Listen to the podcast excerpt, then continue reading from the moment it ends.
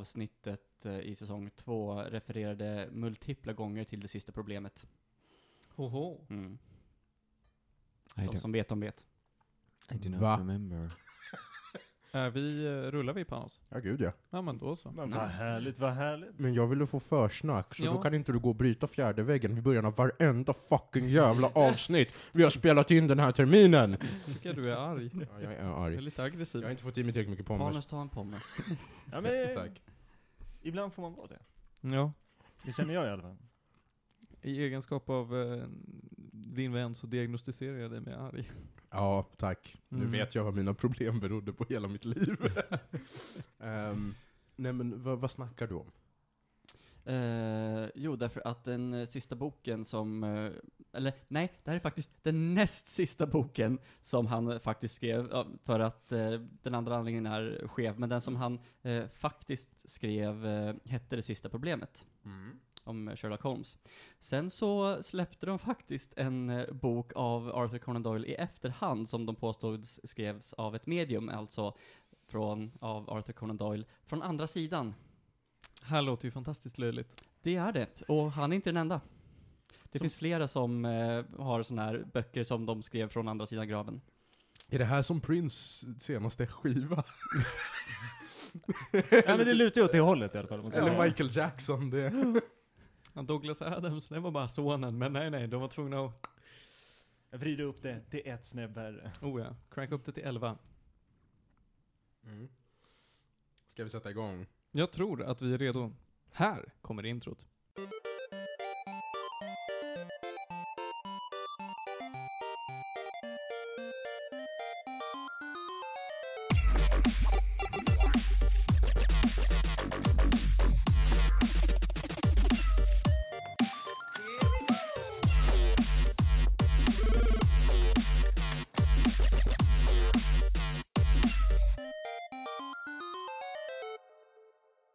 Solen skiner och det är ännu en dag med Medis Radio Trendigt Värre, podcasten om all typ av möjlig fin och ful kultur. Hur är läget hörni?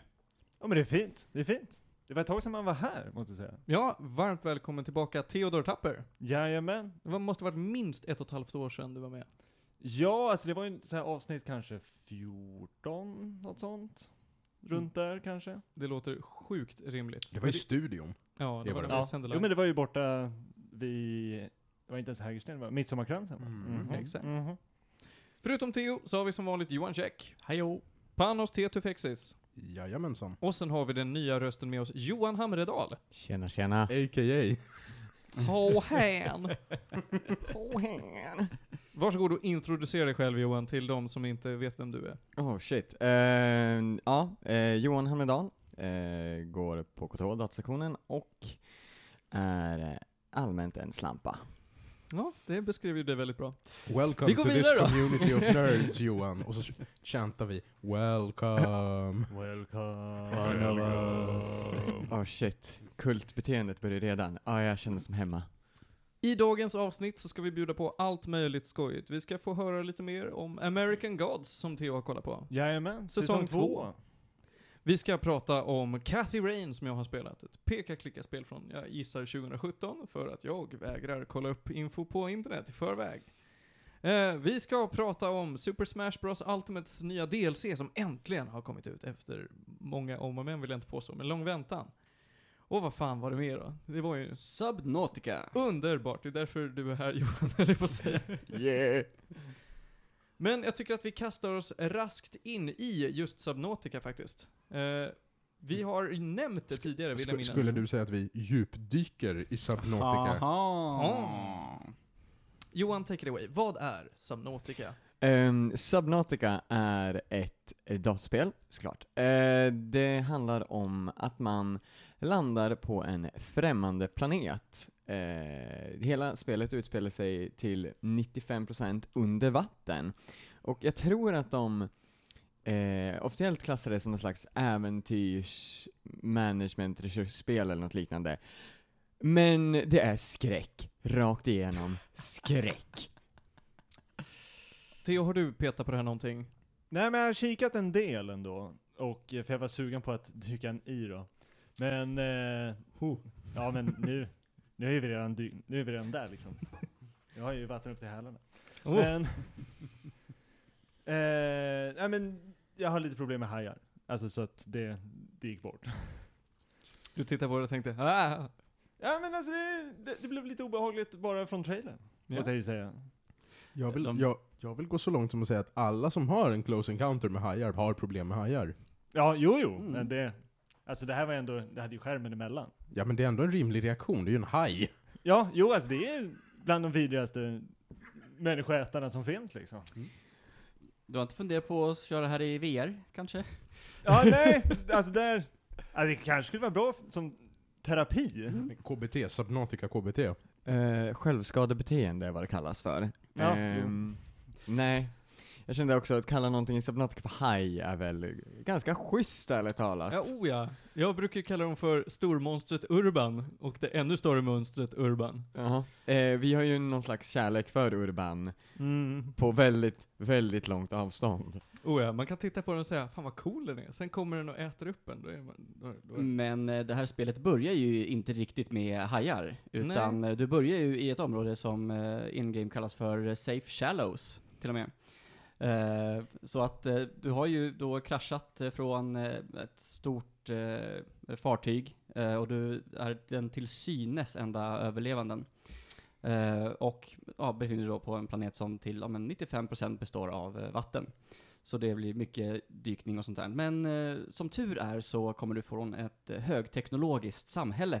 Så allting du behöver är en eh, construction tool, eller vad, vad? Den heter, heter Mm, construction jag tror den tool? heter Construction Tool. Yes, för att bygga egentligen allting du eh, behöver. Eh, Eller, mm.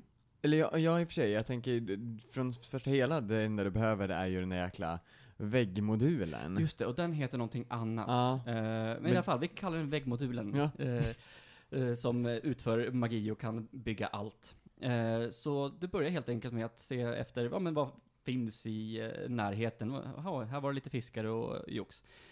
Men då samlar du på dig grejer för att kunna bygga saker, för att kunna bygga bättre saker och för att kunna ta dig längre ut, ja, i vidderna. helt enkelt. Längre ner. Ja, längre framförallt djupare.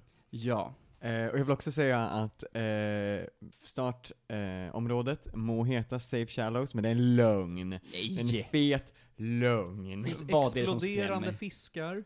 Som, som, som nybörjare, det dödar de en stup i kvarten. Holy cow, vad man Nej. inte kan Det missa finns dem. hajar Mhm, mhm. i, nej, i utkanten av The Safe Shallows. Ja, problemet är Mm. att efter, efter någon timme eller två in-game så börjar de röra sig mer och mer in i Safe Shallows. Förmodligen av någon slags programmeringsbugg för att de ska inte vara där. Men de kommer hit alltså. Det har jag aldrig varit har Jag, jag jag, har många haft, gånger. jag har haft dem liksom simmandes in i väggen på min rescue pod. Var det här efter att de släppte fulla versionen? Ja. Okej, Eh, jag intressant. ty- grejen tror jag att är att ehm, som alla vet så kan man bygga ett skanningsrum med kameror. Och de gillar att plocka upp de här kamerorna. Ja, Och om ja, du men du bygger tänker- dem i närheten, så, så, jag tänkte inte på Sandsharks. Jag tänker på Mm. de andra, eh, inte så hajliknande men ändå så hajliknande. Jag, sakerna. Jag hade nog snarare kallat Stalkers. dem näbbgäddor. Stalk, ja, stalkers, ja, Ja. Stalkers, ja precis. Det var första gången jag hörde näbbgädda användas. för att beskriva en fisk. Varsågod, jag bjuder på den. Ja, skål. Mm. Nej men som sagt, så att det, det dyker upp lite elakheter även där. Men är det här, är det här lite av en Gandhi-situation? Hur menar du? Du vet, när Gandhi börjar nuka folk. Ah. Ja, alltså, det kan man väl säga eftersom att du sl- i slutändan bygger en meck. Sluta nu. Ja, alltså... Nej, för mig var det slutändan, det var det sista jag byggde. Det var en meck, eller en Eh, jo men eh, i och för sig, man behöver den ju inte Alltså det här spelet är ju eh, i sin kärna ett survival game och Mm. exploration game. Mm. Eh, så att det här spelet är liksom inte gjort för att eh, du ska gå runt och överleva som till exempel eh, ja, men Minecraft eller eh, eh, Terraria. Terraria. eh, Det var, fanns Jag älskar. Terraria. Ja, det får man göra. Jag Hås. saknar Terraria. Men huvudfokuset i det här eh, spelet är verkligen exploration. Och det är verkligen en fantastisk värld som de har byggt upp med otroligt fina miljöer. Eh, Du upptäcker civilisationen som fanns där tidigare. Ditt skepp ligger som ett vrak en bit bort som eh, man eh, behöver upptäcka. Mm. och li- lite sånt där. Ja. Jag har suttit här i fem minuter och verkligen jobbat stenhårt mentalt för att försöka hitta på en liknelse till den värdelös, värdelösa James Cameron-filmen Avatar, men ni har ju fan lagt upp det åt mig. Det är fina miljöer, det är dödliga saker. Eh, det är mycket bullshit låter det som. Men vet du vad det här är till skillnad från Avatar? Inte värdelöst. Minnesvärt. Ja. Mm. V- Varför? Framförallt på grund av ljuden tycker jag. Oh. Det Ja. är väldigt atmosfärisk eh, ljuddesign i det här spelet. Jag Det är mycket fiskar som låter. Mm. Och mycket stora fiskar som brummar. Ja, jag skulle vilja säga det att eh, en av anledningarna till varför jag klassar det som skräck är just på grund av ljudet. Det är, om, om man hade tagit bort mycket av bakgrundsbrusen och eh, alla liksom stora, stora fiskars eh, vrål och tugg, tuggljud liksom, så hade det varit mycket mindre skräckbit Alltså, i det hela. För i man, synnerhet är det ju de här... Eh, Leviathan? jag tänker inte Nej, på Reaper reefbacks. Leviathan. Nej, inte Reefbacks. Men det är ah, de Reefies, the de best boys. Eller hur? Utan jag tänker på... eh, S- Brain squiddies. Ja, Ah. deras skrik Mm. är något taget från en skräckfilm. Mm. Det måste jag hålla med om. Det, det är horribelt. Första gången jag stött på en sån, Mm. såg den på ganska långt avstånd och tänkte nej tack. Så jag åkte med min lilla, lilla eh, ubåtgrej, ja min lilla Mm. Seamoth, bakom ett hörn och tänkte här är jag säker och kan liksom andas några sekunder och vänta in på att, ja jag vet inte, att jag hinner byta underkläder eller något. Och liksom det tar bara 10 sekunder så hör jag det där enormt fasansfulla skriket och ser liksom fyra klor röra sig runt Mm. min Seamoth. Jag tänker så här, ja, jag, jag går hem nu. Men, Mm. men, men alltså så här, gå runt ett hörn och tror att du är säker. Vad fan, har du aldrig spelat Amnesia? Eh, nu är det så att, det är ju så att jag gillar ju inte skräckspel egentligen, så jag förstår inte varför jag gillar Subnautica. Men nej, jag har inte spelat Amnesia. Good Eh. for you, men man, man är inte säker bakom hörn. Nej men vanligtvis i Subnautica så är det liksom så här, om du är 30 meter bort och åker runt ett hörn så kommer den inte riktigt följa efter det på det här sättet. Så det, Mm. Theo, du ser jätteobekväm ut med, med allt det här. Ja men alltså, för min lilla korta vistelse under liksom, Under ytan. ja, ex- exakt. Eh, nej men så, det var ju nästan, alltså det var ju så stort så att det blev klaustrofobiskt. Alltså det var så mycket ljud som trängde in på en, fast vart än tittade så var det jätteöppet, vilket liksom de här mixade signalerna gjorde att jag bara såhär, nej men det här, jag, jag tar min väska och går hem. Det här är alltså hur jag känner varje gång jag spelar Elder Scrolls. Det är liksom delen inom mig som kan uppskatta välbyggda, du vet, expansiva spel är fullständigt upphetsad och resten håller på och bara dör i en massiv stroke. för det är för mycket. Ja, jo, men det är liksom, man blir så överväldigad att man liksom så bara, ja men kan jag bara få lite utrymme? Tack, jag skulle bara vilja få andas. Men det händer jättemycket och sen så bara, ja men det är ju så stort, jag kanske kan gå någonstans, jag kanske kan lösa det. Och sen bara, men det är överallt. Det är överallt. Och det är bara obehagligt. För det skulle jag dock vilja säga att, eh, när jag började så tyckte jag ändå att Safe Shallow som sagt, Mm. eh, det, är, det är nog så det är tillräckligt vackert och inte så mycket pressande ljud. Så man, jag njöt bara det första, det var så här, oh vad mysigt, gud vad Mm. gulligt, amazing. Det här kan också bero på att jag pluggade marinbiologi i gymnasiet och varit lite så här småpilsk av idén av att liksom ha ett helt spel under vatten. Rimligt. Och s- så ju längre man kom, så ja, det blev ju hemskt liksom. Det blev ännu större öppna vatten, mer ljud, mer hemskheter. Mer mörker. Mer, åh, mer mörker. Ehm, Blood Kelp Zone. alltså det, det är det värsta som existerar i det här spelet. När de lägger timingen på att du kommer ner, Mm. hon, Siri-ekvivalenten som jag aldrig kommer ihåg vad hon heter, säger Har något? Ja, nej, hon har nog ingen namn. Ehm, det är nog bara typ någon slags program, men whatsoever, whatever. Eh, när man kommer ner dit och hon börjar prata om att den här zonen innehåller typ vad är det, så 8 av 10 skräcktriggers i den mänskliga hjärnan. Mm. Och direkt efter att hon säger det, brakar spelet igång med världens jävla dunderbas i öronen. Och när man har så här 5-1 ljud i hörlurarna så, då, då vänder man och simmar tillbaka. Ja, den har ju verkligen allt. De har ju lore, de har musik, Mm. alltså atmosfären i det här spelet är Ja. helt fantastiskt. Och det var det jag ville komma tillbaka till också, Mm. att som sagt, även när man går vidare i spelet, så även om det blir mörkare och jobbigare, så har man, det är så linjärt på ett snyggt sätt. Så man bara, jag vill fortsätta, jag vill dyka ner och se vad som hände här. Eller jag vill åka upp på land och se vad, kan jag, vad hände här liksom. Det, ja. Mm. Eh, det, jag tror att vi kan sitta och hypa här i timmar i och för sig, men vi måste nog ta och gå vidare ganska snart. Så några avslutande ord innan vi potentiellt vill sätta någon typ av betyg. Jag skulle ju jättegärna vilja nämna eh, Below Zero, Mm. som eh, släpptes för inte så länge sedan, som då är nästkommande spel i serien Subnautica. Är det ett eget spel? Eh, Är det ändå de inte gjorde bara en det- stor expansion? ja, hmm. De gjorde det till ett eget släpp Ja, va? exakt. Det, jag skulle vilja säga att det är ett eget spel. Det utspelar sig inte alls på samma tid, en helt annan karaktär. De har gjort annorlunda liksom i storyn, eh, men ja, det bygger ju verkligen på jag tror att i storyn så är det så att nu är det hundra år efter du var där under, i Subnautica-tiden liksom. Eh, men det här har ju släppts långt innan att det är färdigt. De släppte ju som typ pre-alpha i princip. Så de släpper ju lite nytt material då och då, och jag har liksom inte riktigt kommit på om jag gillar att se grejerna i förväg, eller om det bara kommer få mig att när jag väl skaffar det här spelet, att jag förväntar mig att de här riktigt, riktigt läbbiga sakerna kommer dyka upp runt hörnet hela tiden konstant. Ja, alltså egenskap av att faktiskt ha spelat första Subnautica Pre-Alpha, Mm. eh, så finns det mycket som eh, är väldigt intressant med att uppleva spelet innan det är helt eh, färdigt, eftersom de, de eh, framförallt då byggde, eh, de, de hade ju egentligen eh, eh, alla områden och vart man skulle och sådär eh, färdiga. Men inte själva questlinesen som man ska göra där var inte riktigt ak- aktiverade. Så man kunde komma till där man vet, men här är nästa eh, grej i storylinen, men jag kan inte göra någonting här just nu. Eh, och jag kan säga att det är väl både frustrerande men också ganska intressant. Det bygger ändå lite hype. Det blir lite grann som de här, om man säger Walking Dead med sina liksom, episoder. eh, på så vis.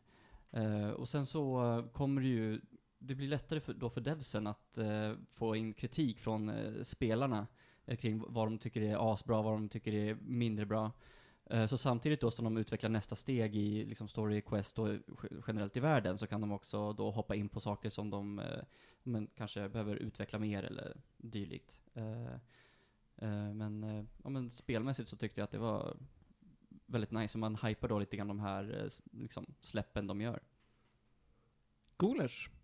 Nu, eh, ja, det kan vi väl alla som har spelat får väl ge det varsitt betyg då, men jag skulle vilja ge det här 8 av 10 gäddor. Jag tycker det är riktigt bra.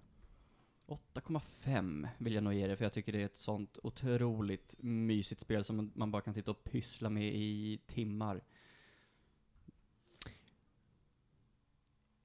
Försöker du antyda att alla de här skräckvarelserna ni precis beskrev i tio minuter på något sätt blir till en mysig upplevelse? Alltså, jag tycker det. Jag tycker inte att de här, jag, jag, jag Alltså det låter ju lite som en sån här äh, Stockholmssyndromvarning. Ja, alltså, jag, jag, jag tycker inte att det är så läskigt som eh, de andra får det att eh, upplevas som. Det blir mer ett eh, spänningsmoment, men det läskigaste jag var med om var när jag hade, eh, jag tror jag åkte in i den här zonen.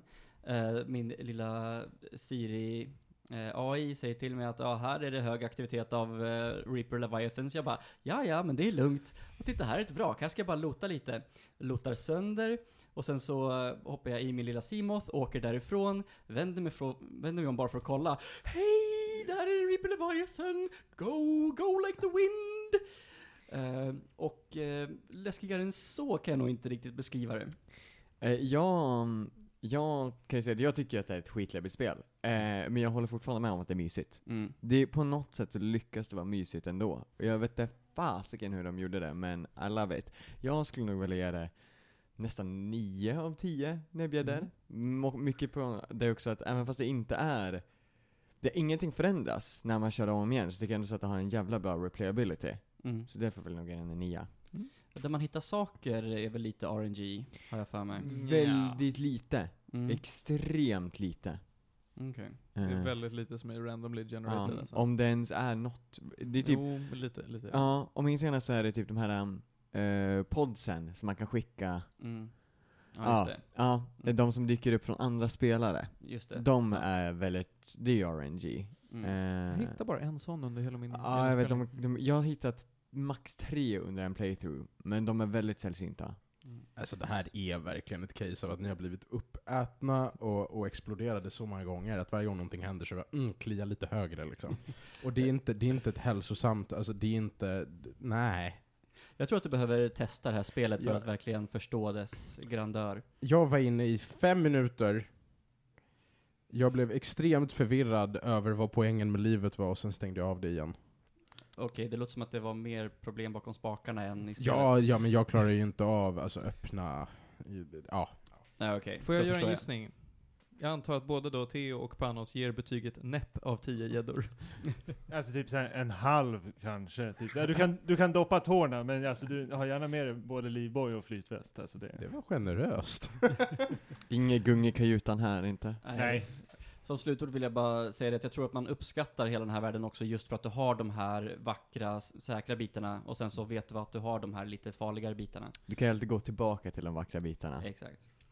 Vi tar och hoppar över till något helt annat som är kanske lite mer vänligt för lantgrabbor. Och pratar om någonting som finns uppe i skyn istället. Theo, American Gods. Som ändå Ja, är men- på jorden förvisso, men... Ja, jo men alltså det finns ju en del gudomliga bitar av det som, beroende på hur man ser på det, kan väl vara från himlen. Men, eh, ja, de lyckas klämma ur sig säsong två. Eh, sista avsnittet kommer på måndag, tror jag, eller något sånt. Så att, eh, ja.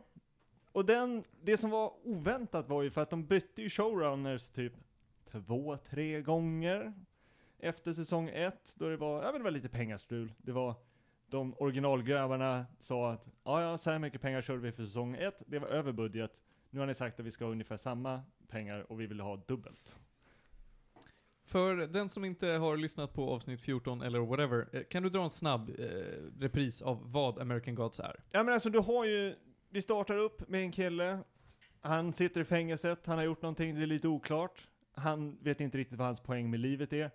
Och sen så träffar han en herre när han blir frisläppt. Han blir frisläppt samma dag som han får veta att hans fru, jo jag tror att de är gifta, eh, har dött.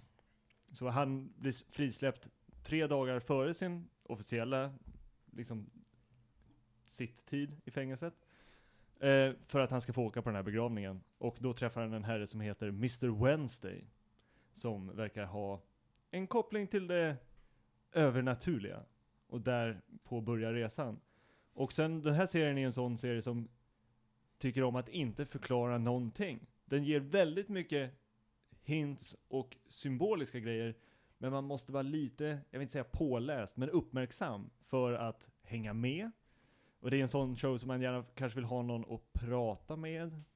Alltså ha någon att snacka igenom det med, så att man säger ja men såg du någonting jag inte såg? Nu har vi tagit våra anteckningar och jämför lite. Så att vi känner att ah, ja, ja men nu, nu när vi pratat igenom det, nu förstår jag den här scenen. För jag tyckte de bara snackade goja. Det är som att titta på Steins Gate. Ja men lite åt det Mm. hållet, lite åt det hållet. Eh, men mycket av det är ju också att säga, ja ja men konceptet är personer som åkte till USA hade med sig sin tro. Och de här tron och gudar, de manifesterar genom att folk tror på dem. Så, det, så att nu när liksom teknologi och andra grejer har blivit mera saker som vi, vi tror på, så här, marknadskrafter och annat spännande, då har de blivit gudar. Media är en gud, teknologi har blivit en gud. Och de gamla gudarna håller på lite lätt dör ut, för det är färre och färre som tror på dem. Och då måste de försöka fixa till sig nya följare eller anpassa sig. Och där ser man bland annat, är det en kommentar om hur eh, eh, jultomten, Sankt Nick, har gjort en deal med de nya gudarna och det var då de rebrandade honom som tomten och hela den biten. Så det är lite sånt som det är så, ah, ja men folk kommer inte be till dig som ett helgon, men eh, fan, de kommer ju köpa julklappar. Alltså det, det kan vi marknadsföra och sätta upp dig på några så här colaflaskor och så jädrar vad folk ber till dig. Alltså varje gång de knäpper en kapsyl på julen, då är det en direkt bön till dig. Wow. Det är ett coolt koncept. Ja, jo men konceptuellt är den riktigt läcker. Hur förhåller sig nu då den nya säsongen till den första? Håller det måttet? Ja, och det var ju det som var så läckert att se, var att den faktiskt höll samma stil, samma mått. Sen, det är vissa scener som jag har hört folk som har läst boken av Neil Gaiman, tror jag han heter.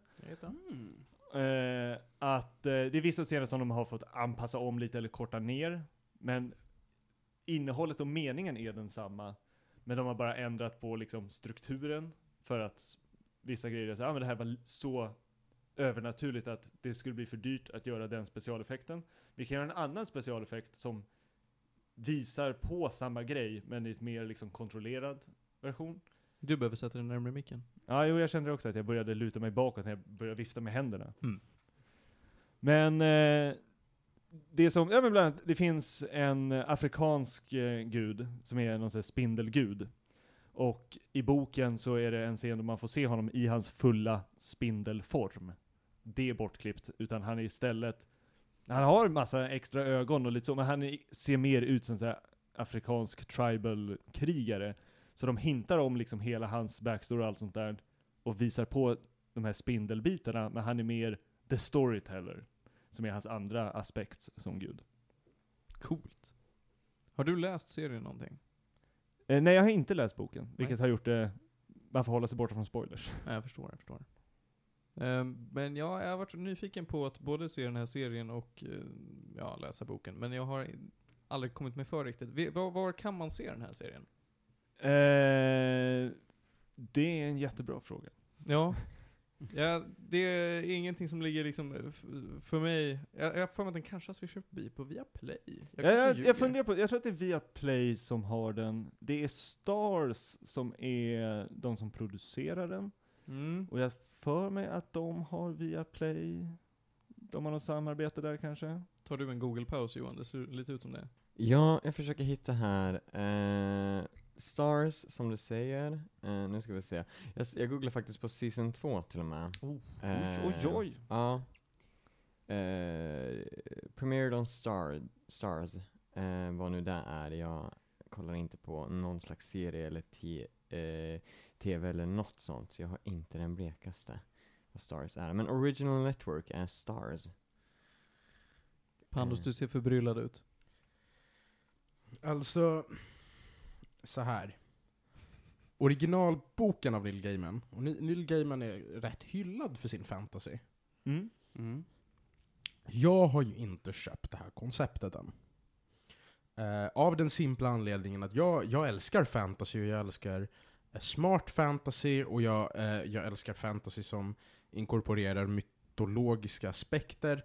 Jag är bara inte särskilt såld på americana och det här är eh, liksom 100% americana. Ja, ja, men det här är ju liksom Middle of America, road trip, hela den biten. För att en stor bit av filmen är ju bara den här uh, Shadow Moon, som han heter, han som är från fängelset, alltså, och Mr. Wednesday, åker bil genom mitten av USA och kollar på grejer och samlar upp andra gudar som vill kanske hänga med på deras korståg, eller vad man ska kalla det för. Deras Jag krig. var såld fram tills du sa det här. Ja, jo, men, och det, är- det är den här mixen som gör det konstigt. Ja. Men även väldigt lockande hur så här, ja men de här gudarna som ingen ber på längre, ah, vad gör de nu? Ja men det är någon liksom, eh, han är, han, är ju en slavisk gud från början, men säg att han är lite så här polsk, påbrå lite så här Vitryssland, Ukraina hållet. Mm. Och han är nu så, ah, han är slaktare i typ någon stackars stad i Chicago, den är så här utkanten, och så bara, ah, ja nej men, jag slår ihjäl oxar. Det är det jag gör. För jag är bortglömd, så att eh, jag kör taxi ibland. Och bor i USA för där är alla bortglömda själar. Ja men precis, och bara säga, ja, jag, jag röker jävligt mycket och är liksom bara, eh, there is no problem I smoke. I kill cow. That's my job. Den här karaktären spelas av Peter Stormare bland annat. Så det är, alltså. Jag vill se Peter Stormare stå och säga I kill cow.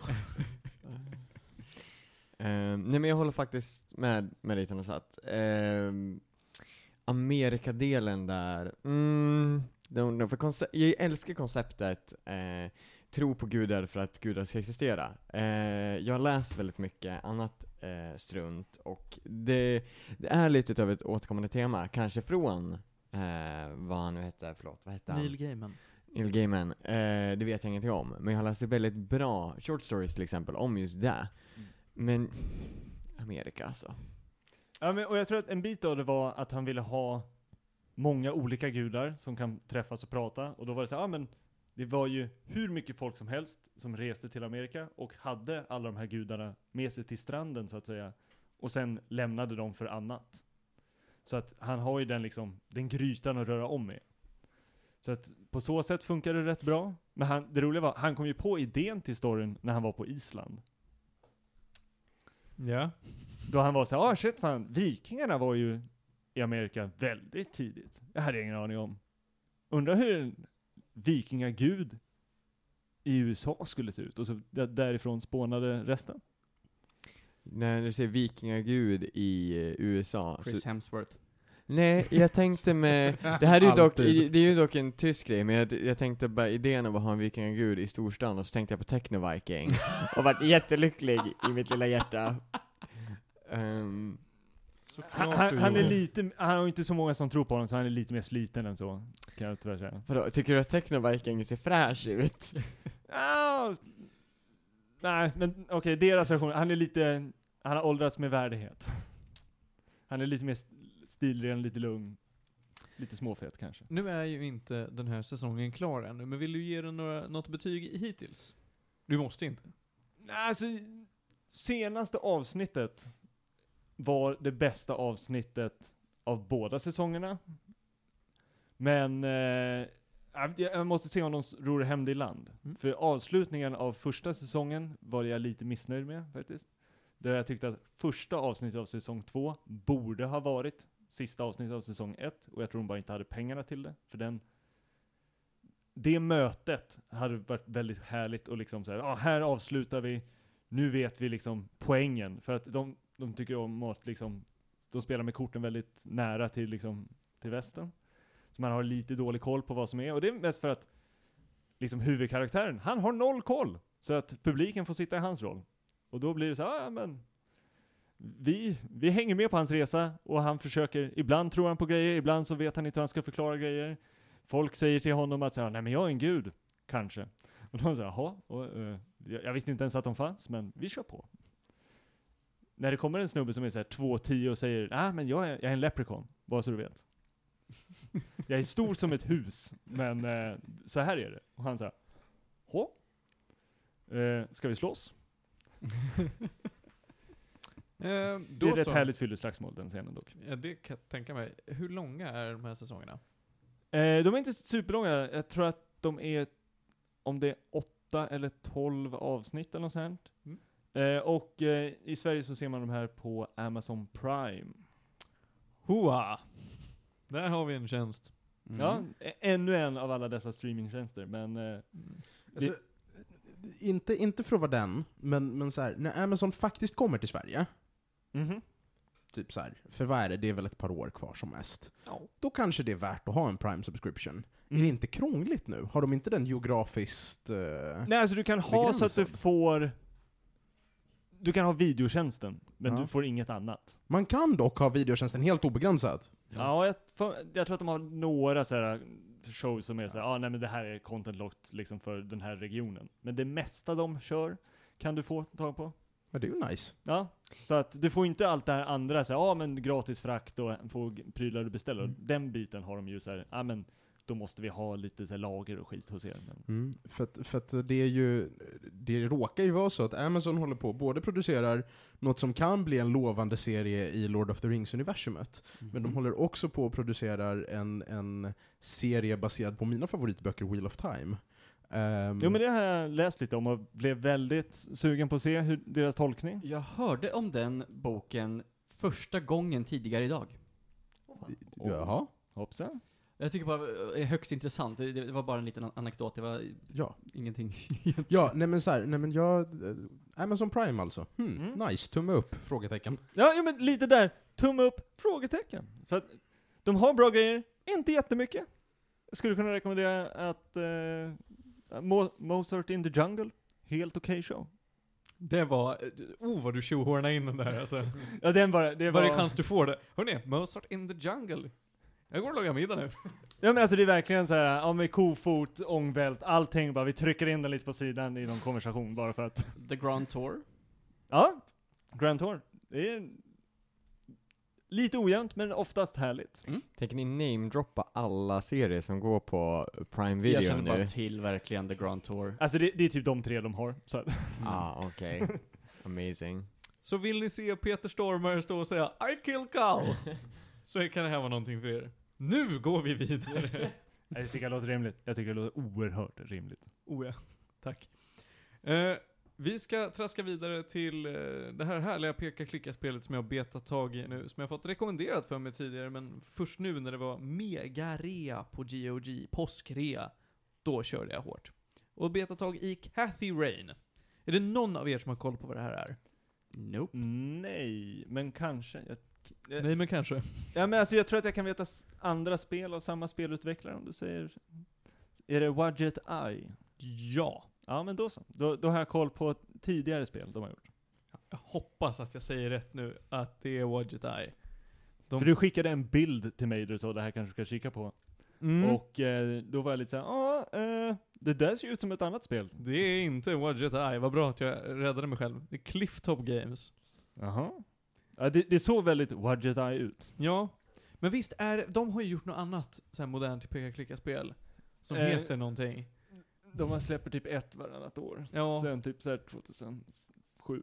ja precis. Nej men de släppte någonting som liknar Beneath a Steel Sky. Nu är det ingen av er som är bra på den här genren, men hjälp mig nu om ni kan. Vem Eh, pratar vi om nu? Vi pratar om Wadget Eye och vad de har gjort för någonting. Nu får jag googla fort som Eh, tusan. Premodia, tror jag det är. Nej. Technobabylon. Ja, Technobabylon. Där. Där satt den. Man kan ju tro att det är samma nissar, men det är Ja. det inte. Utan det här är, eh, ja jag går vidare till vad fan det här är för spel. Det handlar om den extremt badassiga bruden på motorcykel Cathy Rain, som är en universitetsstudent någonstans i USA. Hennes farfar har ny, precis dött, varpå hon åker tillbaks till sin lilla, eh, ja, lilla by. Eh, där hon växte upp helt enkelt. Som är inte allt för långt, för långt ifrån hennes universitet. För att hälsa på sin farmor och sörja lite grann sådär. Hon har ingen kontakt med sina föräldrar, eh, men man vet att hon har haft det lite tufft. Men hennes farmor, hon är där som någon typ av Uncle Ben vill jag inte kalla det för, men nej. Nej, för Uncle Ben dör inte. Aunt May är väl närmare i sådana fall. Eh, och det vi, eh, sakta men säkert så kommer det fram att omständigheterna kring hennes farfars död är lite konstiga, så hon vill gräva lite i det här. Och det blir en historia full med kulter, intriger och mord. Ja, alltså något som fångade mig väldigt starkt var ju hur karaktären var, såg ut, eller jag har inte spelat än, men hon såg ut att vara väldigt inspirerad av huvudkaraktären från Bubblegum Crisis. Hå, den plockar jag inte upp. Eh, Nu hinner jag googla fort som fan här. eh, det är en, en gammal anime, men det finns, animen är sådär om jag ska vara ärlig. Det finns många bra memorable scenes, som vi skulle säga, men storymässigt så eh, sviktar den lite. Det ser ut som Sailor Moon i rymden. Ja men det är en cool brud, motorcykel, spelar ett punkband och gör sin grej. Alltså, hur mycket ni än säger så beskriver ni ju 50% av alla anime som någonsin existerat, Ja, känner jag tänkte ju på FL, FLCL, Furikuri. Hmm. Ja men det här är lite Urs- den första. Ursäkta, Ja. kan, du- kan du upprepa de där, jag vet inte om det var ett eller två ord, men det var ord som bara åkte in och sen ut mina öron på någon slags, jag tror jag tvättade min hjärna när du gjorde det. Kan du säga dem igen? Furikuri. Ja. Eh, Mumma. Eller, eh, Ja. jag tror den engelska titeln är Fooly Cooly. jag, jag trodde att det här var en matlagningsanime när du sa för curry. så Nope. att, eh, Den Ja. kan vi ta en annan gång, jag var på väg att börja berätta om den, men det tar vi en annan Ja. gång. Nåväl, Cathy Rain då. Historien ska jag inte prata så mycket mer om. Det finns coola karaktärer, det är rätt bra voice acting. Det, det ser ju ut som att det ska vara gjort på tidigt eh, 90-tal det här. Alltså det ser ut som Beneath a Steel Sky eller Full Throttle eller typ något tidigt Monkey Island. Men det körs ju mycket smidigare. Alltså man, man ser att det, liksom, det är inte lika choppy. Det bara ser väldigt pixlat ut. Eh, och det har heller inte särskilt mycket av eh, någonting som kallas för Moon Logic. Vet ni vad det är för någonting? Nope. Det är sån här eh, som många tidigare peka-klicka-spel eh, har i sin problemlösning. Alltså hur du ska lösa vissa pussel är så här. Du hade aldrig kunnat lista ut det, du, det bara händer. Du ska, rubber chicken with a pulley in the middle. Ja. Det är alltså när du tar alla objekt du har i ditt inventory, och sen så bara, ja men nu vet jag inte vad jag ska göra. Så jag kommer bara ta varje separat, försöka blanda dem, trycka ihop dem till ett item kanske, bara ge folk olika items, bara, ja, jag, jag vet inte vad jag ska göra. Men tydligen, något, jag har alla delar för att lösa det här problemet. De har bara hittat på någonting som är over the moon. Alltså det är så Ah. komplicerat att du kommer inte lösa det. För de ville bara att spelet skulle ta längre tid. För att göra det för enkelt så spelar du igenom det för snabbt. Mm. Här känns det väldigt rimligt. Det är också så att det inte är så att du kan interagera med allting på 40 000 olika sätt, utan det är ofta två eller tre sätt du kan interagera med ett objekt. Typ titta på det, tänka på det, eller plocka upp det. Ty typ. Eh, vilket känns jättebra. Det är bra pacing. Det blir ju det liksom, i, i ändå ett pusselspel som, som det här är. Så känns det inte som att du fastnar och går in i en vägg konstant när du kommer till ett pussel som du inte är hundra på hur du ska lösa.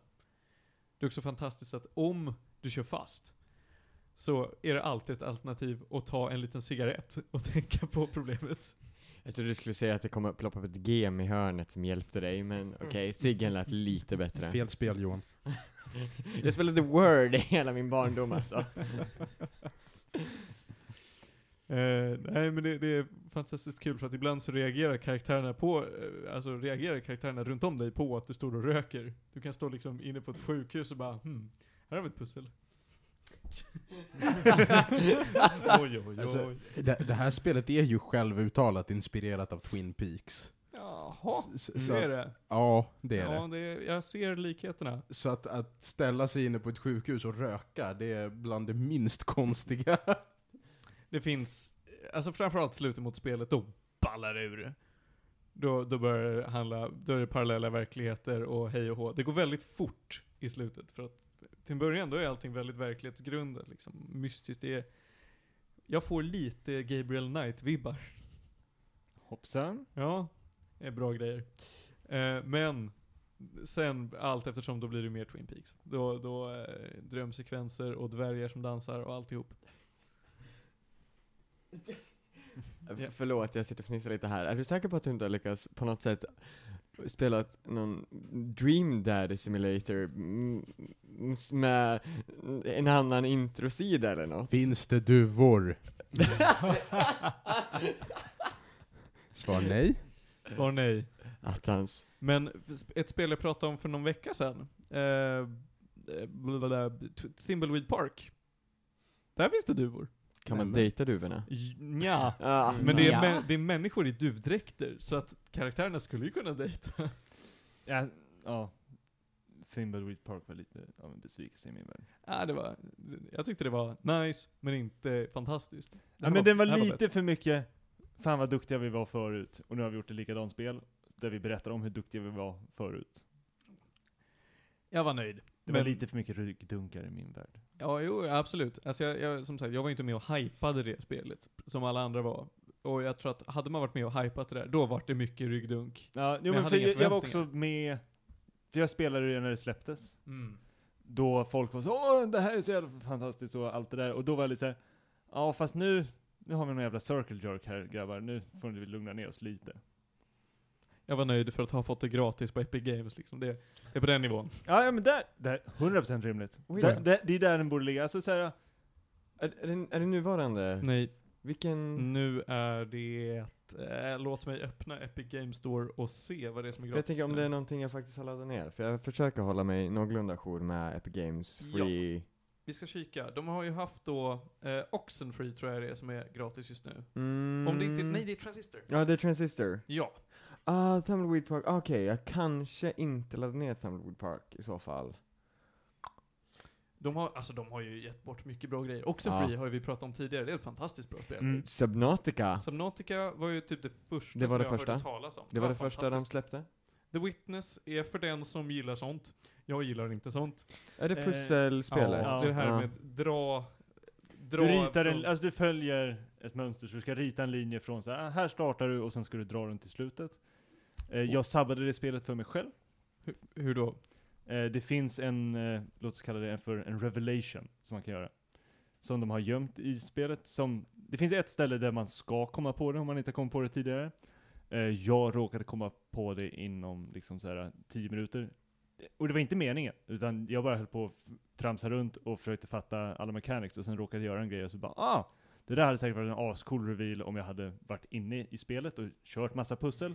Men nu råkade jag göra det, och eh, mycket riktigt X antal pussel senare så kommer man till stället och så bara ah men vänta jag, jag kan inte göra det här pusslet, och sen så bara så här, ah men jag kan göra det för att jag har jag kan använda det som jag råkade göra förut. Och hade man stått där och kommit på det på plats, då hade det säkert varit ett så här, aha! Moment. Och jag var så här, ja, fast det här, mm, var det det här vi byggde till?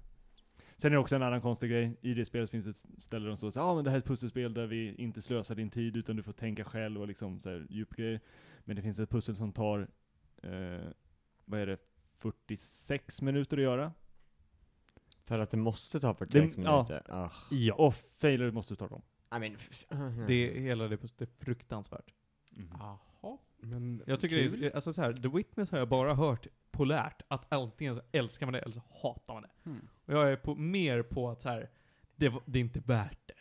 Jag ska inte säga att jag hatar det, Kan- men det är kan fan vi- inte kul. Kan vi gå tillbaka till Cathy Rain? Ja, förlåt.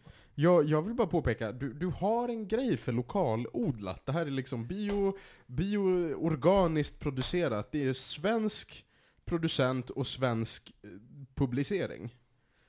Gud vad, mil- vad miljövänlig du är. Ja, ja, Och- men jag och- pratar mycket om norska spel och svenska spel, har blivit så nu. Ja, och han, och- tydligen är det så att han snubben, snubbens, eller Clifftop Games är en enda snubbe. Fan. Och, och han har släppt ett till spel. Som också producerats av Raw. Och heter Whispers of a Machine. Är Eller det Raw nytt Fury. eller är det äldre? Jag tror det är nyare. Oho. Interfacet ser exakt likadant ut. Men det är ett sci-fi noir istället för ett 50s noir. Ja, det är Technobabylon. Ja, jo, men alltså det här, nu är vi inne i min cyberpunk-värld alltså. Nu, nu är jag ju taggad som tusan. Har du spelat Technobabylon eller Benita Steel Sky? Eh, Technobabylon har jag spelat. Mm. Och- Vad nice. Ja. Eh, Resonance har jag spelat. Alltså, Ja, What It ja. Eyes-spelen, där jag har varit och nosat på de flesta. Du, du tog av dig flytvästen. Ja, där, oj, alltså när vi kommer till de där spelen då, då kan jag nästan gå naken här uppe Jag tycker vi släpper den liknelsen och Ja. går vidare. Vi går vidare. Jag är ganska klar med det här spelet, om inte ni hade några andra frågor. Nej. Nej. Alltså jag tänkte ju liksom på de här Devolver-spelen som Full Throttle och eh, de där. Ja, jo men det, det, är, det är det tänket. Mm. Är ju verkligen så långt ifrån min genre så det finns inte. Du har aldrig varit en point and click-kille? Nej, jag har inte det. Alltså. Möjligtvis när jag gick så här sex års ettan och man kör de här äh, bilen som åker runt och man ska... Patt-patt. Ja, säkert. Jag har ingen aning. Mm. D- Däremot, jag såg att de spelen låg seriöst på Humble Bundle, i en bundle just nu, och jag bara, ska man köpa bara För nostalgin. Ja, for the lols snarare sagt liksom. Men nej, annars har jag verkligen inte varit där. Åh fan. Um, MMOs alltså, det är min grej. Sen när? Va? Sen när har du varit en MMO-kille? När jag var, alltså när jag var yngre. Det Jaha. var det jag växte upp med. Ja. Eh, nu, nu för tiden så är det ju typ Minecraft liksom. Så att det, All right. men jag, jag väljer att ge det här spelet... vad ska jag ge det? Jag, jag är nog inte uppe på en 8, men jag vill ändå säga kanske 7,6 gäddor. För att jag kan. Mm. Det är bra, det är eh, framförallt väldigt bra för att ha kostat så lite. Jag tror det kostar 30 kronor eller någonting på GOG. Så, sju och en halv rökt cigg på ett sjukhus. Ja. Oh ja, oh ja. Eh, det, det tror jag summerar väldigt bra. Mm. Cathy Rain är också en väldigt bra protagonist tycker jag. Hon är, känns äkta och badass. Jag gillar hennes motorcykel. Jag måste dock säga att en tjej som haft eh, jobbigt livet, men som går universitet och äger en motorcykel i USA är ju bullshit. Det skulle ju aldrig gå att hända. Nej, nej, nej, nej. Vad, skulle hon få pengar till att köpa en motorcykel? Nåväl. Ja, okej. Ja, ja, nu ser jag. Det är inte längre Sailor Moon i rymden. Jag, jag hittade en bild som jag nu visar från Bubblegum Crisis, från innan de blir såhär mech rymd robot-biten. Mm. Då den spårar. Det är inte Sailor Moon i rymden, det är såhär, vad heter han? Röda rosen, vita masken. Han som står på lyktstolpar. Yes, det är han i rymden Ja, istället. jo, men det- det- riddare. Ja men exakt, det är lite åt det hållet på en lite flashig motorcykel. Men om man inte har sett den skulle jag rekommendera att man ser, vad är det, så här, första fem minuterna första avsnittet, då man får se punkbandet spela. För det är en så här, det är en scen som har refererats i många andra ställen, så att om man vill ha lite så här kulturpoäng. Jag satt ju och scrollade lite då på bilder när jag påstod att det här var Sailor Moon i rymden. Jag har ju inte safe search på så att jag, första jag fick upp det var ju en massa hentai-bilder med de här brudarna som någon typ av blandning mellan människor och eh, motorcyklar. Och det är inte, Och tuttar. och det är inte den här, det är inte den här animen när, när någon tjej ska springa för att fånga en hatt eller någonting och så hoppar hon och mitt i hoppet så förvandlas hon till så här F7 stridsjet eller någonting och flyger iväg. Jag kommer inte ihåg den scenen, men jag kan också avslöja, det är inte omöjligt. Nej, det är inte omöjligt. Och med de orden så tar vi och går vidare från Bubblegum Crisis. Jag kan passa på att berätta lite vad jag har pysslat med den senaste veckan. Kör hårt. Vad har du pysslat med den senaste veckan? Jag har spelat Lego Lord of the Rings.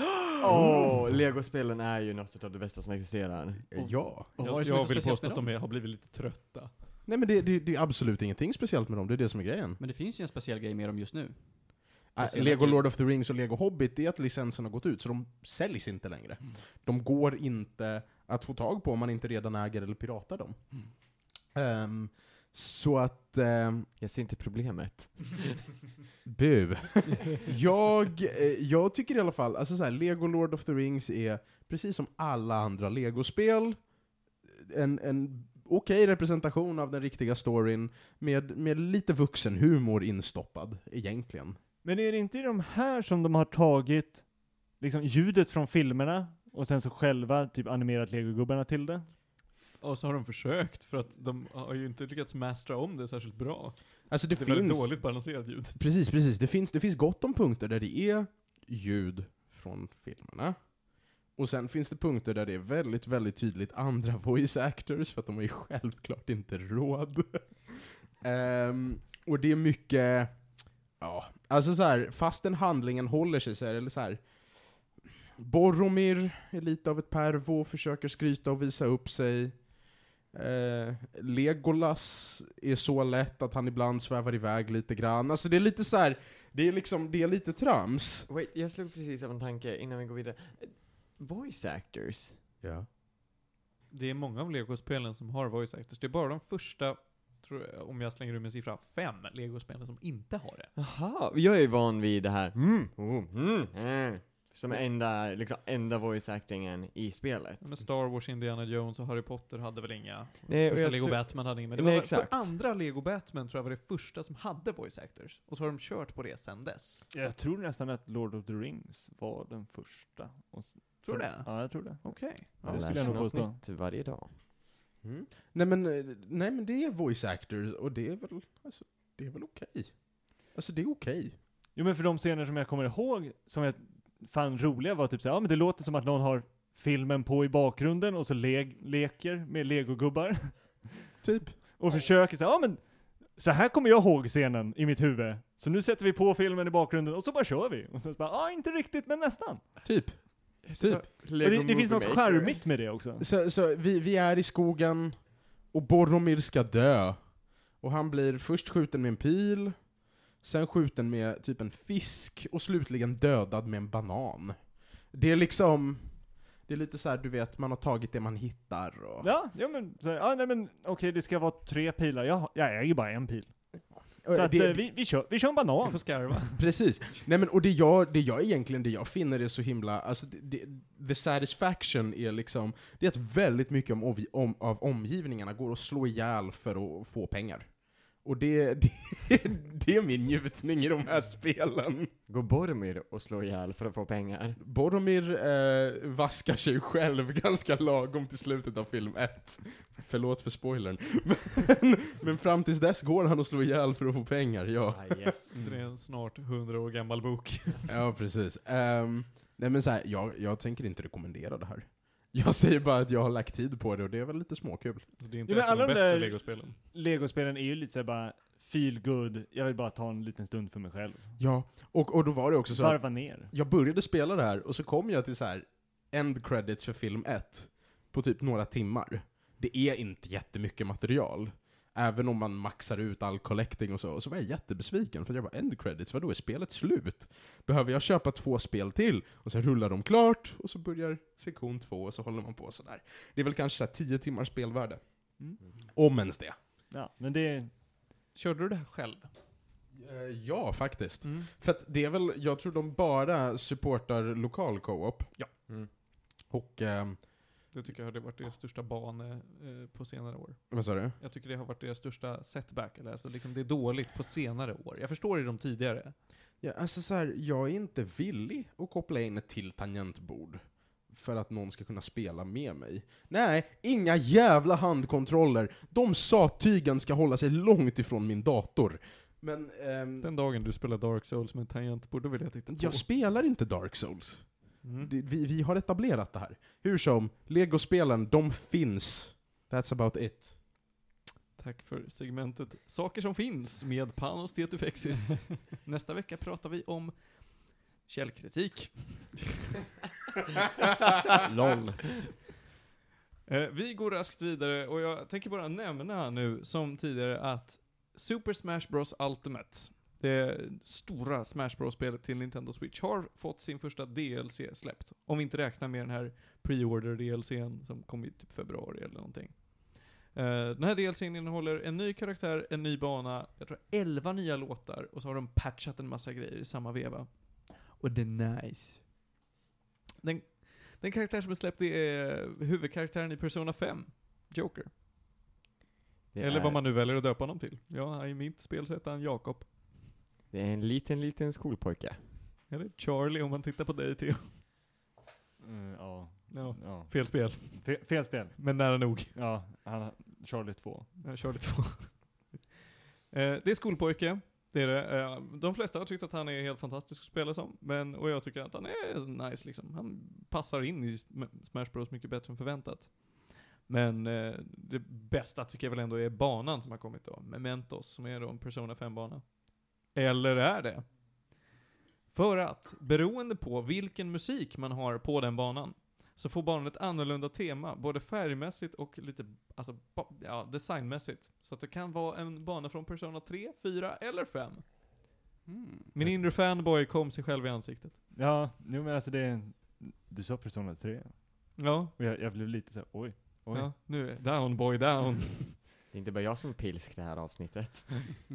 Du, eh, du kan ha musik från Persona 3, och du kan få banan att se ut som Tartarus. Och det är nice. Det låter nice. Ja. Jag tycker vi byter ämne. Ja, du tycker det va? Eh, Vi eh, kan ju spela efter att inspelningen är slut. Oj, det, det kan bli grisigt. Ja men ändå, bara för att Johan och jag är lite bättre än alla andra. Rude. Yeah. Eh, det är inte mycket mer jag har att säga. De har också slängt in lite patchar på, eh, du kan skapa banor, du kan, det säger ehm, Stage Creator, som är bättre än vad den var i Brawl. Fanns det en Stage Creator i, eh, Ja, det fanns en i Brawl. nej, men i Wii eh, U? I Wii U vet jag inte, för jag spelar inte det så eh, mycket. Jag kan kolla på mitt DSN om det fanns till uh, DSN till Wii U, vet jag inte. Jag vet bara att vi gjorde bara i eh, Brawl, som eh, var fett kaos, och som spelade Sonic Boom konstant. Eh, jag gjorde mina med. All- Yeah. Får jag slänga in en grej här som inte har så mycket med Brawl att göra, eller Super Smash Bros överhuvudtaget, men att göra egna saker. Jag läste bara häromdagen om att eh, Overwatch eh, på PTR'n, alltså Public Test Realm, där de testar nya funktioner och nya grejer, eh, och låter andra spelare göra också, så har de lagt in en funktion nu där man kan skapa egna game modes. Och det är inte liksom det vanliga att du gör ett litet eget game mode, utan du kan modda ganska hårt. Eh, så det första som började dyka upp var folk som gör, försöker correcta folks beteende som kanske inte är superbra. Till exempel att när man försöker få folk att samlas i en grupp så är det oftast att det går inte. Hur mycket du än använder snabbkommandot eh, kom till min position så skiter folk fullständigt i det. Så det är någon som har fixat så att så fort man trycker på kom till min position så teleporteras alla till din position. Det fanns också ett game mode som om du spelar Genji och försöker eh, ta dig ifrån en payload och kanske springa iväg 200 meter bort så börjar du förlora liv. Men om du är nära payloaden, då elas du. Eh, Bra uppmuntran till hur man spelar spelet rätt. Men, men Mm. det här är varför jag litar på Blizzard när det kommer till att göra sådana här level editors. Vem jag inte litar på när det kommer till att göra level editors, det är fucking Nintendo. För att de sålde mig Super Mario Maker till DS för typ 500 kronor. Och vet, vi, vet, vet, vet ni vad jag tycker om det? Ja. Ja, Ja. du lyssna på avsnitt 31. Ehm, Mm. Ursäkta, köpte du det här spelet frivilligt? Super Mario Maker? Ja. Ja. Womp, womp, Och han womp, köpte det till badabada, DS. badabada. Jag vet vet inte- lite jag vet där inte- också, Mm. för jag har hört väldigt mycket gott om den andra versionen. Exakt. Men eh, du kunde ju inte dela levels med folk på DS. Nej, det är helt jävla värdelöst det vad det Så att du kan ju inte, f- eller ja, alltså om du, om du känner någon som vill ge dig sin typ kod, så kunde du ish få någon annans level. Men hela poängen med det spelet var ju att kunna dela med sig, och sen så bara, ja fast du kan skicka till dig själv och vara lite såhär forever alone. Alltså så här. För Nintendo, som inte har gjort en enda maskin starkare än 3DS hittills, så är det fullständigt värdelöst att sälja det spelet till 3DS för typ 500 spänn. That's about it. Ja, tillbaka till Super Smash Bros. Ja, nej, jag är ganska klar där. För den som inte har köpt ett liksom season pass eller som funderar på om DLC är värt det. Det är nog det alltså. Jag tror att de satsar stenhårt på att göra DLC-värde till det här spelet. Och det kommer ju tre till minst. Alltså bara för musikens skull. Ja, bara för musikens skull så tycker jag den här är, ha, värt det. Du menar, du menar att det här är alltså det här är alltså det som är värt att spendera pengar på med Nintendos nuvarande konsolgeneration? Egentligen, Det brukar vara alltså typ för en mig grej. var det ju det här som sålde konsolen till mig. Jag vill ju inte köpa en Nintendo Switch och det är fortfarande det enda spel jag äger till min Nintendo Switch. Nu Mm. sitter jag här med ett lånat exemplar av Super Mario Odyssey bredvid mig. Men skulle inte ha köpt det själv liksom. Eh, så att, absolut. Absolut. Mm. Eh, kör hårt ni som ha, har råd. Eh, och med de orden så, så tänker jag att vi släpper Super Smash Bros. Panos, hur lång tid har vi kvar? Vi har egentligen passerat en timme redan. Ja, men då kanske vi ska ta tre snabba och sen så tackar vi för idag. Ja. Känns Ja. det bra? Då så, då ska jag ta och plocka fram veckans tre snabba. Det första jag vill rekommendera den här veckan, det är, eh, hör och häpna, en YouTuber. Av alla saker. Det är första gången vi, vi kör på den. Panos ser Mm. otroligt skeptisk ut. Mm. Kan du, kan du Mm. inte? Var skeptisk. Mm. Kan du vara lite skön?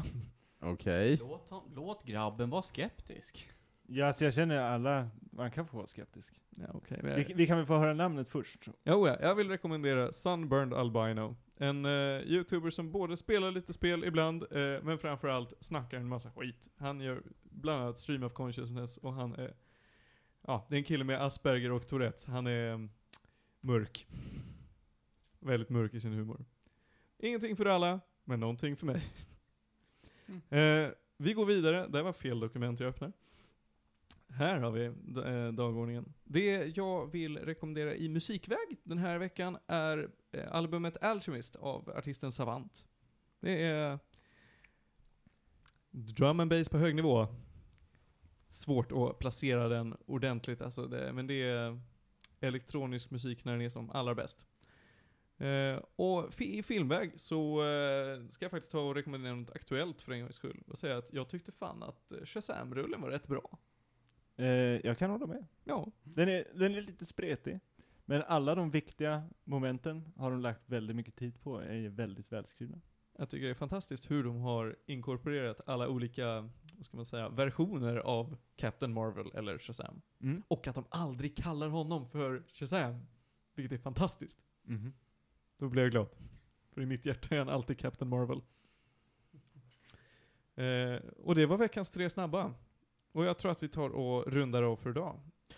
Innan, innan vi säger hej då, har ni också kind of nått den punkten där man börjat teasas med så här endgame-kommentarer av folk som har sett den? Mm. För jag, jag, jag var har tvungna liksom, att genomlida det igår. Ja, eh, jag tycker det, jag tycker vi le- lever i läskiga tider. Ja men också, för det är, det är en sån pass stor grej ändå, även om jag är inte, själv inte superhypad för att se den, men det har blivit så här, ja men man måste se den, men jag var ändå så här, ja, men jag kommer inte sitta bänkad liksom på premiären, men så, ja, om någon vecka eller så här, när det lugnar ner sig lite, man kan få sig en skön stund, jag kommer helt klart gå och se den. Men då, då behöver jag sätta på sig några sådana här liksom skygglappar och bara säga, ja, ingen får prata med mig, titta inte på mig, jag måste hålla koll på vad jag googlar och vad som helst för att man vet inte vad som händer. Det, det är oroväckande. Äh, förut var det så här, ja, men om jag ska söka upp någonting om filmen, då får jag vara försiktig. Men nu är det som att folk kastar grejer på en och man måste ducka. Jag, jag vill eh, veta lite grann vilket tidsspann du eh, tänker på.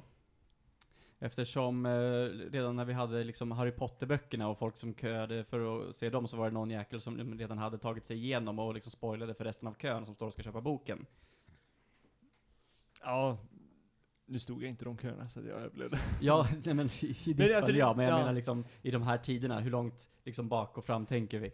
Ja men alltså, det började väl för några år sedan med liksom, ja men med just att men det känns också att det varit mer för filmer, för då är det, nu när Twitter har kommit, så här, det, det är lättare att bli bombarderad. Förut kunde man ändå på känn lite så här, ja men i de här områdena, så att säga. Är det värt Det du gå ut säger alltså innan social media? Ja, fast även i början så var det okej. Alltså i början kunde man hålla, hålla sig undan på något bättre sätt. Just nu känns det som att folk är lite mer aktivt vill, eller de är fler kanske bara. Det är fler som aktivt vill förstöra för andra. Det kanske Mm. är så det är. Fler har kommit på att de kan göra det och vill testa. Mm. Jag måste ju dock säga att det är väldigt skönt. Jag har ju gett upp på hela Marvel Cinematic Universe för flera filmer tillbaka. Jag lackade sönder där någon gång innan Civil War och kände att writers är sämst för de här filmerna. Så att jag, jag tänker inte lägga ner mitt liv på det här längre. Eh, så att jag skiter ju fullständigt i om jag får spoilers. Om du ska se, om du ska se en film, Tänker du säga. Thor? Ragnarok. Ja, eh, jag vet. Och jag ska se den. Därför att det är den enda bra Thor-filmen, Fight Me. Nej men det, är, det kan jag nog hålla med Ja. Enda bra Thor-filmen, absolut. Mm. Jag har hört att den är väldigt rolig och jag känner att jag skulle kunna ge dem bilden och sånt. Mm. Men alla de här Marvel-filmerna som är, de försöker vara hyfsat allvarliga efter allt det här är som, jag orkar inte. Mm. Men sen är det också att de kör samma story om och om igen i lite olika kostymer bara. Vilket gör dem att, lite för förutsägbara i min värld. Vilket gör att testa något nytt. Ja. Det kanske inte, alltså ibland funkar inte det heller. Men då har man ändå sagt, ah, nej men ni testade något nytt. Bra försök. Det ser jag oftast, jag ser hellre någon misslyckas med något nytt än att bara göra något tråkigt. Mm. Och med de orden så tar vi väl och avslutar dagens program. Tack så jättemycket Theo för att du kom hit. Inga konstigheter. Tack så jättemycket Johan, Självklart. Panos Tack, tack. och Tjackis. Jajamän. Ha en fantastisk måndag blir det ju, så får ni, eh, ja, vi syns och hörs nästa gång. Puss och kram och nyp i stjärten.